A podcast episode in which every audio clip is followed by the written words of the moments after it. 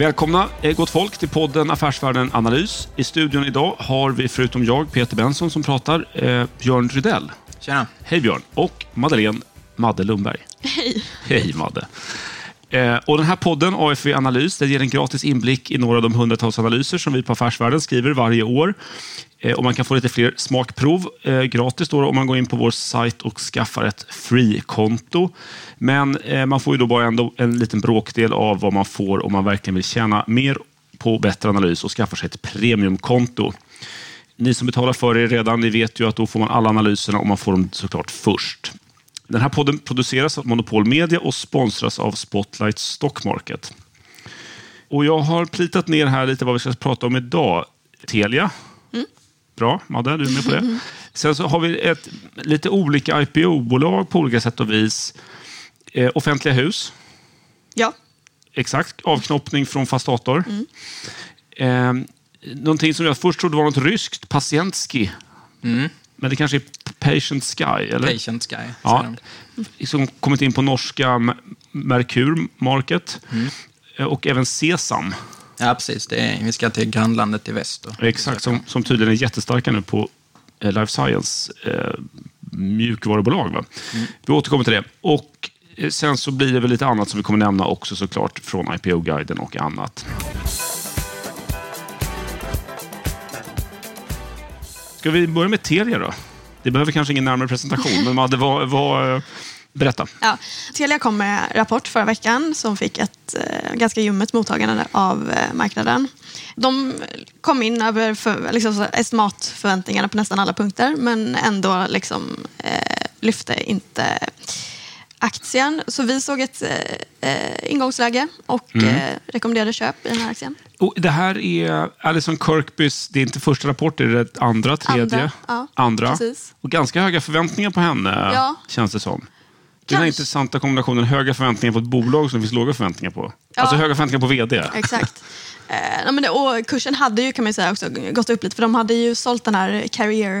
Carrier-verksamheten för ett ganska bra pris. Ju. Ja. Ha, har de mer grejer de ska sälja, eller? Är de klara nu med renodling? Ja, men i alla fall, de är ju ute ur Eurasien om Ja, nu. ja.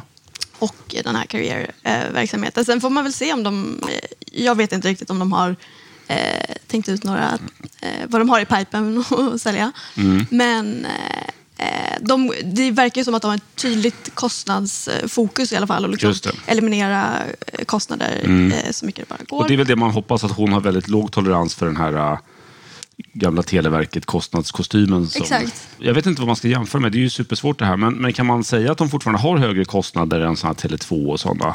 Ja, men det, eller det är i alla fall det är enda liksom slutsatsen man kan dra. Ja. Eh, Eftersom de har så, mycket, ett så pass lägre eh, marginaler relativt eh, konkurrenterna. Ja, okej. Och, ja, men, och så är det väl ofta, tänker jag, i liksom så här, mm, stora eh, gam, eh, så här, Mm. gamla bolag, eller vad man ska säga. Att de är kvar i en gammal, som du säger, kostnadskostym. Liksom. Ja, det är fascinerande det där. Det är ändå 20 år sedan de börsnoterades. Och, och, och, men det verkar inte ha räckt så att säga för att Nej. få de marknadsmässiga då, på kostnadssidan. Precis. Du skissade på att marginalen ska komma upp några procentenheter Ja. de kommande åren. Vad, vad är det? Är det så att säga kostnader eller är det något Ja, annat? det är kostnader. Alltså, som Mm. det ser ut nu så har de ju alltså, bara gamla grejer som finns kvar. Mm. Det är liksom så gamla, när man hjälper kunderna. Kundservice? Ja. Jag vet inte ens vad det stavas till.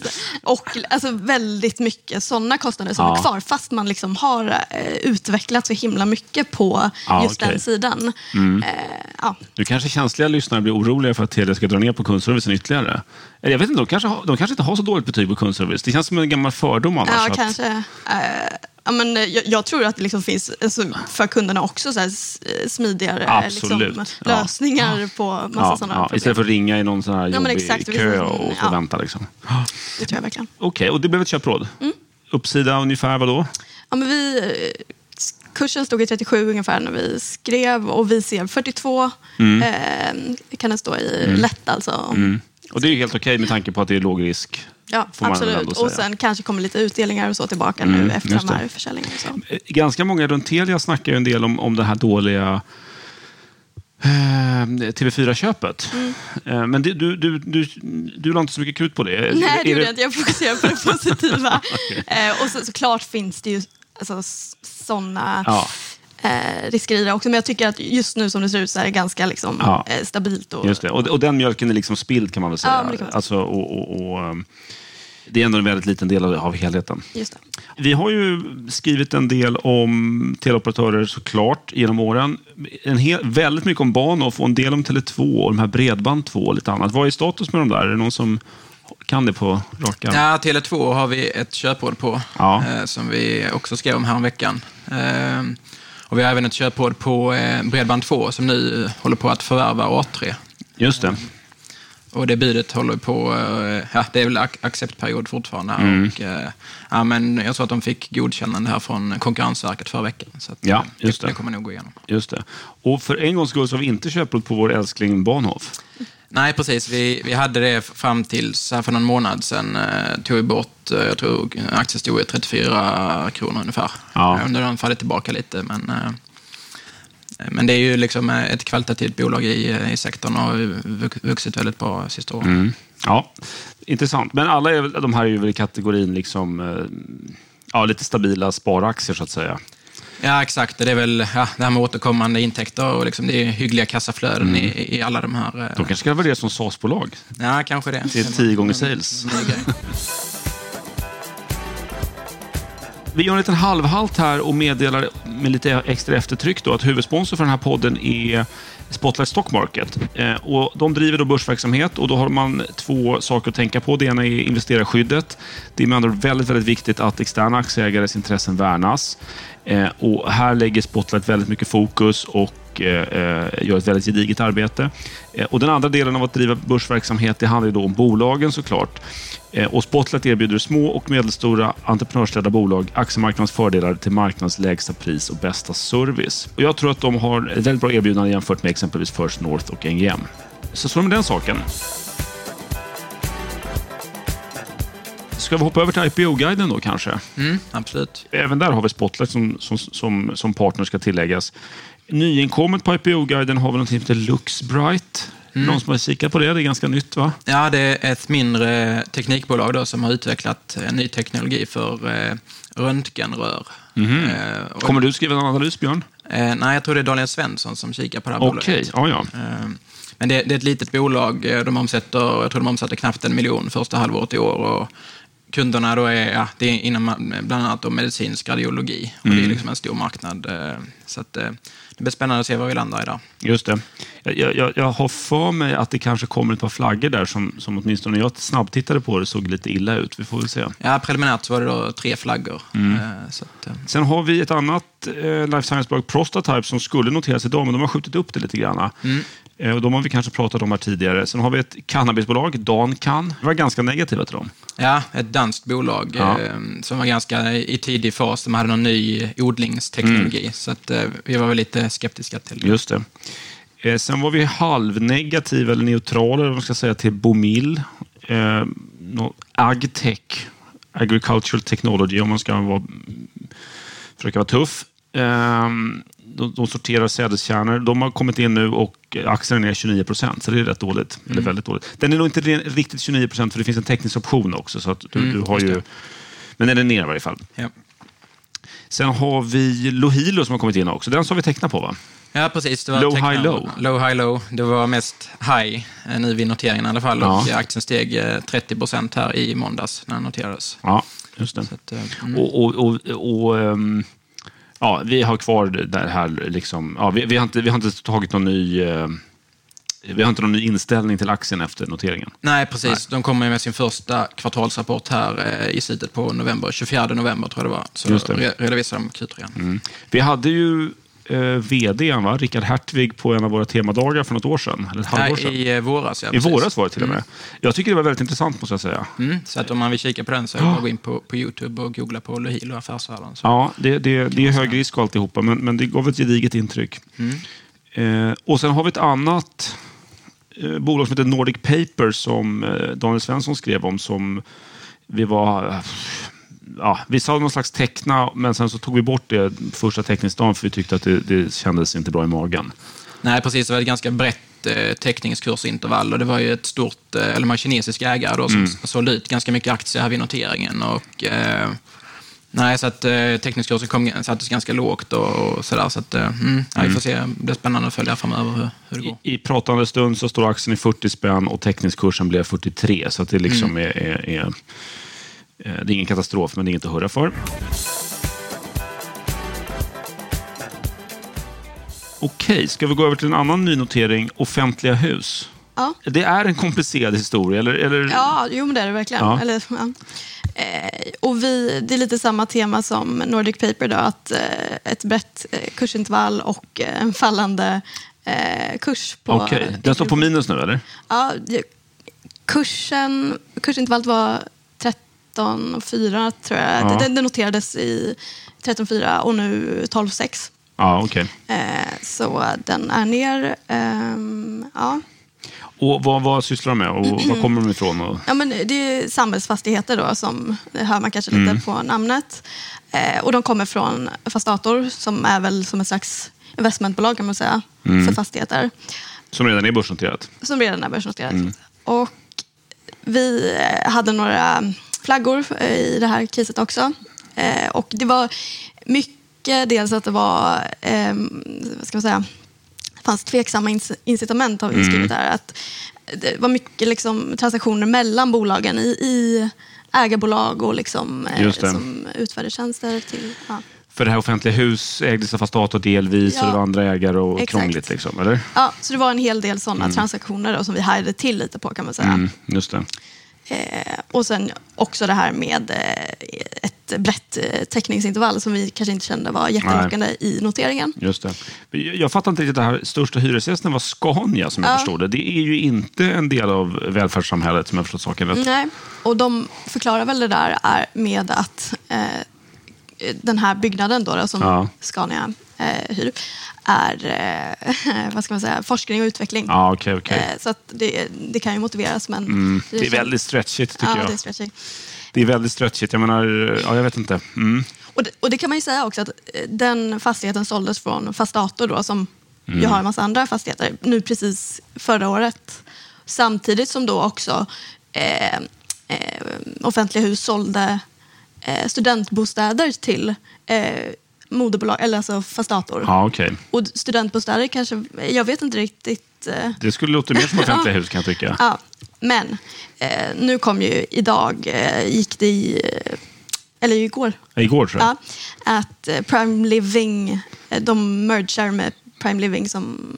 Studentbostäder mergar med Prime Precis. Living. Exakt, just det. Och Prime Living kan vi lite skämtsamt ibland internt på redaktionen kalla för crime living. För att det har varit ganska mycket besvärande tendenser till att det funnits någon slags brottslighet i utkanten av, vi vet inte vad riktigt, om det är leverantörsled eller vad det är, men det har varit hemska, hemska uppgifter om, om vad som har hänt folk som har jobbat nära eller för crime, prime, nu sa nu sa jag nästan crime living, men prime living. Så det, är ett, det där är ett bolag som, som jag tycker det är anmärkningsvärt, måste jag säga, att de här Fastator gör affärer med dem.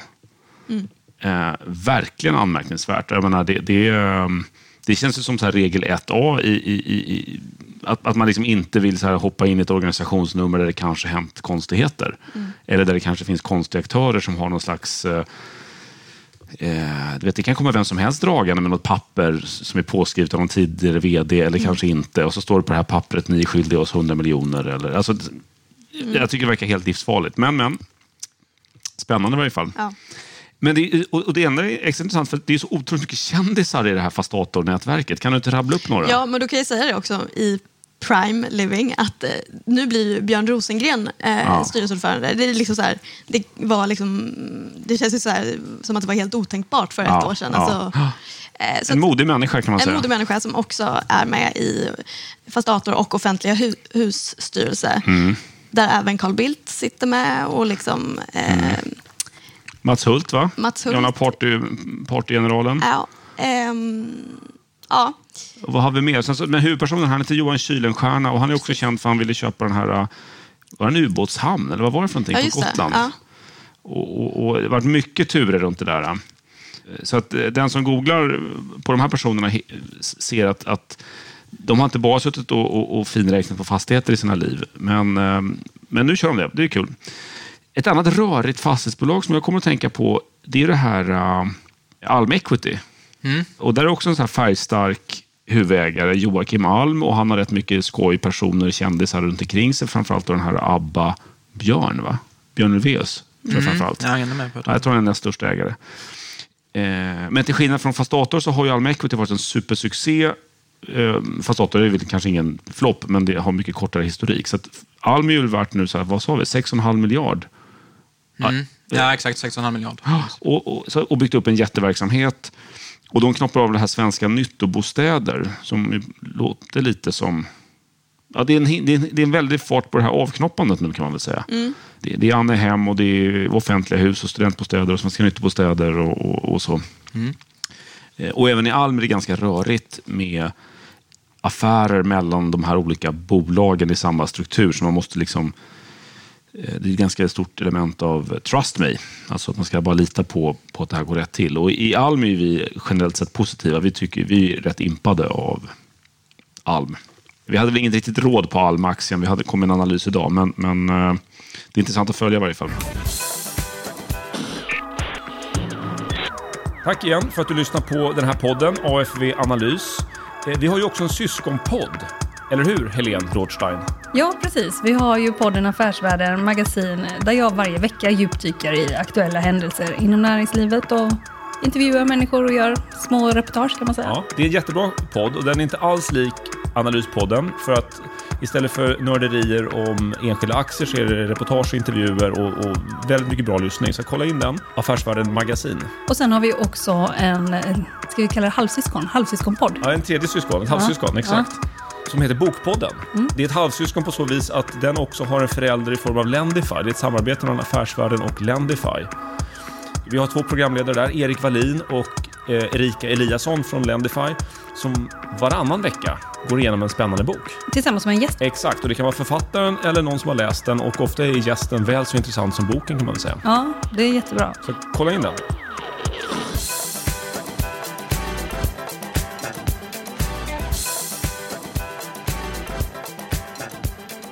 Okej, ska vi hoppa över kölen då till eh, eh, Norge? Mm, absolut, titta till, till våra grannar där.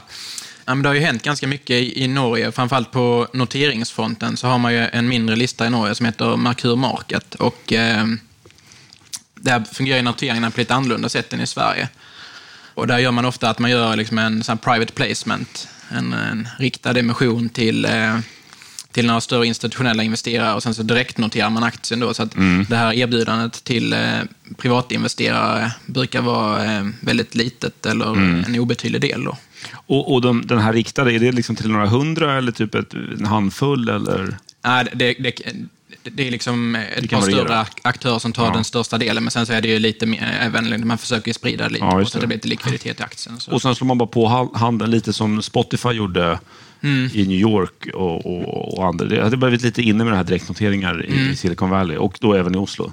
Ja, precis. Och, och, um, eh, vi kanske inte ska snöa in för mycket med för och nackdelar med det, då, men, men det kör man mycket på det här Merkur. Då. Mm. Och det betyder att vi, vi tänker kanske inte på det som IPO på det sättet att det är någonting som allmänheten kan teckna, men det är ändå nya börsbolag som kommer in. Ja, exakt. Nej, så, så, som privatinvesterare då, så första gången man får chansen att handla aktien är ju liksom när den öppnar, den första handelsdagen. Sen så om det är upp eller ner, Mm. det, det får man ju... Ja. Just det. Så på gott och ont så kan man inte sitta och gissa hur den ska öppna. Nej, man har ju liksom en teckningskurs att förhålla sig till vad de fick teckna till, men Ja. så får man ju se Just det, liksom vad, det. vad det blir. Och um, Berätta lite om den här Patientski. Ja, Patientski då, det är ju ett eh, norskt mjukvarubolag eh, inom e-hälsa. Eh, de säljer, den, den stora grejen är att de säljer journalsystem till sjukvården då, genom en ja, den här abonnemangsmodell, SaaS-intäkter. Eh, och, och där är man ganska stora eh, i Norge inom eh, privata sektorn. Då. Man har ungefär 4 800 kliniker och 25 000 användare som använder de här eh, journalsystemen. Och där är man, en av de, ja, man är störst eh, inom privata sektorn bland eh, fysioterapeuter och kiropraktorer exempelvis. Och vad, vad, vad omsätter de? De omsätter eh, i år ungefär knappt 150 miljoner. Då. Ja, just det. Och det här är ihopförvärvat i allt väsentligt, eller? Ja, exakt. Det här är ett bolag som grundades eh, så sent som 2014 eh, av en eh, norsk entreprenör som heter Jesper Melin. Det låter inte så norskt. Nej, Vdn är svensk också. mm. men eh, eh, den här Jesper Melin är, är norrman. Då. Okej. Eh, och han är ordförande, han har varit VD för bolaget tidigare, men han är eh, ordförande för eh, Patientski idag. Då. Ehm, Så liksom, om man har gjort, verksamheten nu startades 2014 och så har man gjort två större förvärv 2017 och 2018. Då.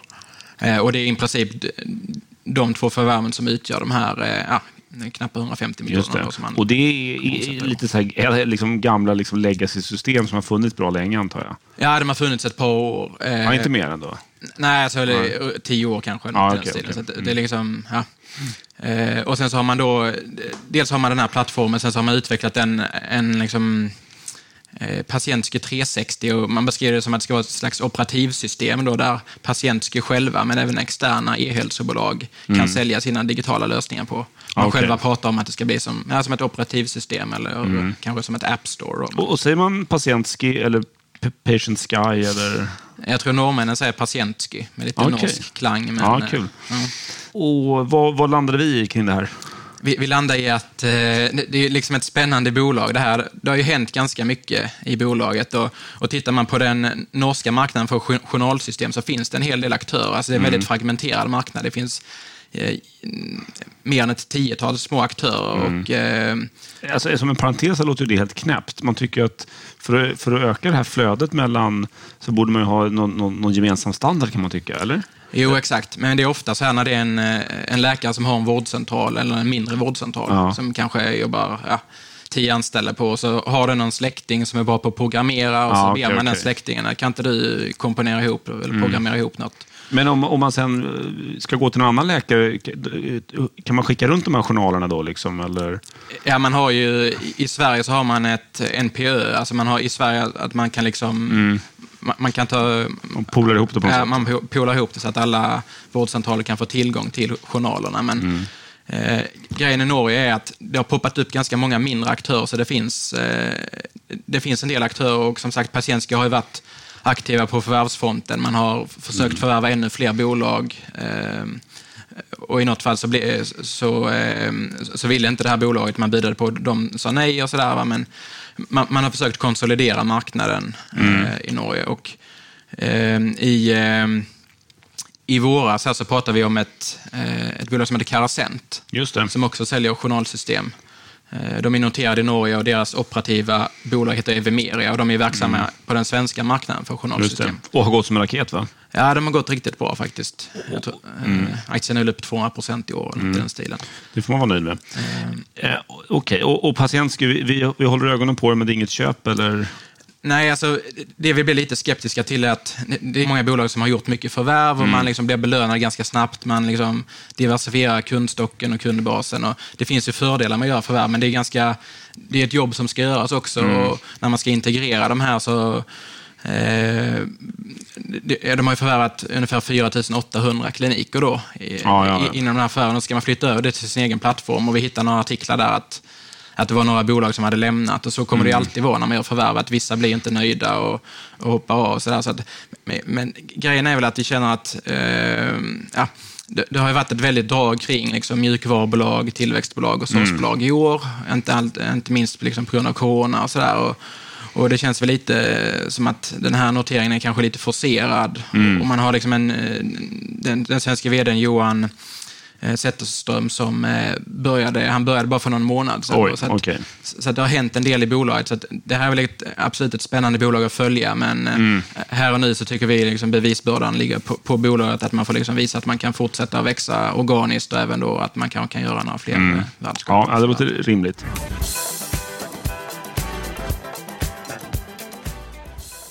Sen har vi ett annat bolag som låter också lite utrikes, Sesam. Men det är då inte Sesam öppnade eller något sånt där, utan det är Cesar Samuel Adam Martin. Ja, precis. Sesam Health Group. Det är också då Ja. ett, ett mjukvarubolag. Norskt, Merkur, Precis, Merkur. Eh, förvärv. förvärv också. Det här bolaget har lite längre historik. De eh, grundades 2005. Så att ungefär 15 år har de funnits. Har eh, 200 anställda eh, och eh, har gjort ungefär en eh, tiotal förvärv.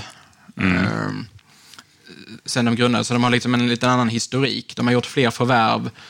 De är verksamma på fler marknader. Patientski är ju bara verksamma i Norge medan Eh, Sesam har verksamhet, eh, ungefär en tredjedel av intäkterna kommer från Sverige och en tredjedel från Norge. Då, så att de, har en, eh, ja, de är lite mer diversifierade och har ett större antal produkter, Mm. eh, helt enkelt. Jag fick lite känsla att det var lite som det här Vitec. eh, Ja, exakt. Är man snälla mot det så kan man kanske eller kan hoppas på att det här kan bli en norsk variant av Vitec. Och. Vitec har ju varit väldigt duktiga på att göra förvärv och är väl liksom ett, ett av de bättre förvärvsbolagen Mm. i Sverige. Men de har vuxit ungefär 10 procent, Sesam då har vuxit ungefär 10 procent organiskt per år och sen så adderar man lite förvärv. Så sista år, eh, senaste fem åren så har man vuxit i snitt med 40 procent. Åh jäklar. Ja, ja.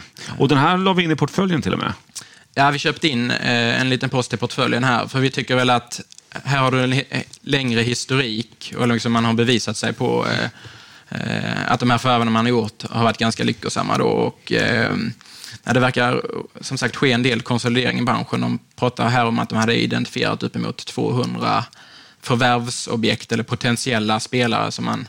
Nu, det är ju inte så att de kommer förvärva alla de här 200, men Nej. det, det verkar i alla fall finnas eh, en hel del förvärv på marknaden och liksom mindre aktörer som, som går ganska snabbt att kunna integrera och så kan man eh, utvinna lite synergier och sådär. Mm. Ja, intressant. Men sen hade vi de här som som vi också hade i portföljen förut, Medistim. Hade vi kontextvision i portföljen också, eller? Ja, precis. Det är också någon slags norska mjukvarubolag, eh, Mm. Life Science. Eh, Ja, exakt. eller mjukvara kanske inte ska säga, men, men eh, ja. Ja, nej, men det, det, det är två norska medicinteknikbolag i Ja. alla fall, eh, som vi även har haft i portföljen. Eh, Kontextvision hade vi, jag tror vi köpte in dem förra sommaren och hade i, i portföljen ett par månader. Sen så har, har den, efter vi sålde aktien så har den fortsatt upp. Va? Så att Det gäller väl det här ibland att när man hittar bra bolag och liksom vinnande aktier så ska man... Hänga kvar där, ja. Ja, ja, det är inte alltid det lättaste. Ja. Eh, Okej, men eh, ska vi summera ihop det här lite då, grann då kanske? Vi har hunnit med att snacka om Telia. Eh, nämnt lite konkurrenter också kanske. Sen har vi varit förbi IPO-guiden och pratat lite om, pyttelite om Luxbright, Nordic Paper, Bomil, Low High Low. Eh, sen så tittar vi in på offentliga hus, nynoterat. Inte vår favorit. Patientski i Norge, inte heller vår favorit. Eh, men spännande. Sesam, uppskattat bolag. Ja, så här nej, men får vi se. det- mm. Ja. Och eh, det var väl det. Lite kortare än vanligt, men det är kanske lika bra det. Med. Mm. Eh, Okej, så tack allihopa för att ni har lyssnat och hoppas vi hörs snart igen. Eh, om ni redan är prenumeranter på Affärsvärlden och har ett premiumkonto så vet ni hur det funkar. Att ni får dagliga analysmail och full tillgång till alla portföljer och verktyg och allt annat vi har. Eh, och annars så får man gärna skaffa sig ett premiumkonto inne på www.afv.se. Är man kund hos Nordnet så kan man gå in på nordnet.se affarsvarden. eller om man är private banking-kund så mejlar man till privatebanking nordnet.se. Då får man faktiskt halva priset. Vanliga Nordnet-kunder, om vi kallar det så, får en mindre rabatt, 15% Annars så kan man fortsätta och få en del gratis via ett free-konto. Då sätter vi punkt där. Tack ska ni ha. Simma lugnt.